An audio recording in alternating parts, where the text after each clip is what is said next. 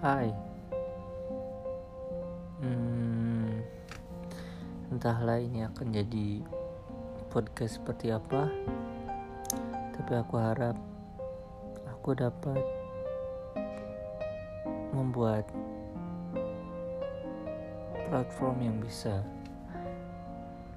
Menjadi tempat Untuk aku Mengeluarkan Apa yang ku apa yang ada di pikiranku.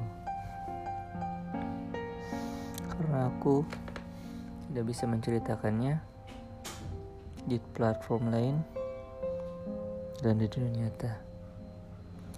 Jadi semoga aku dapat melakukannya di sini.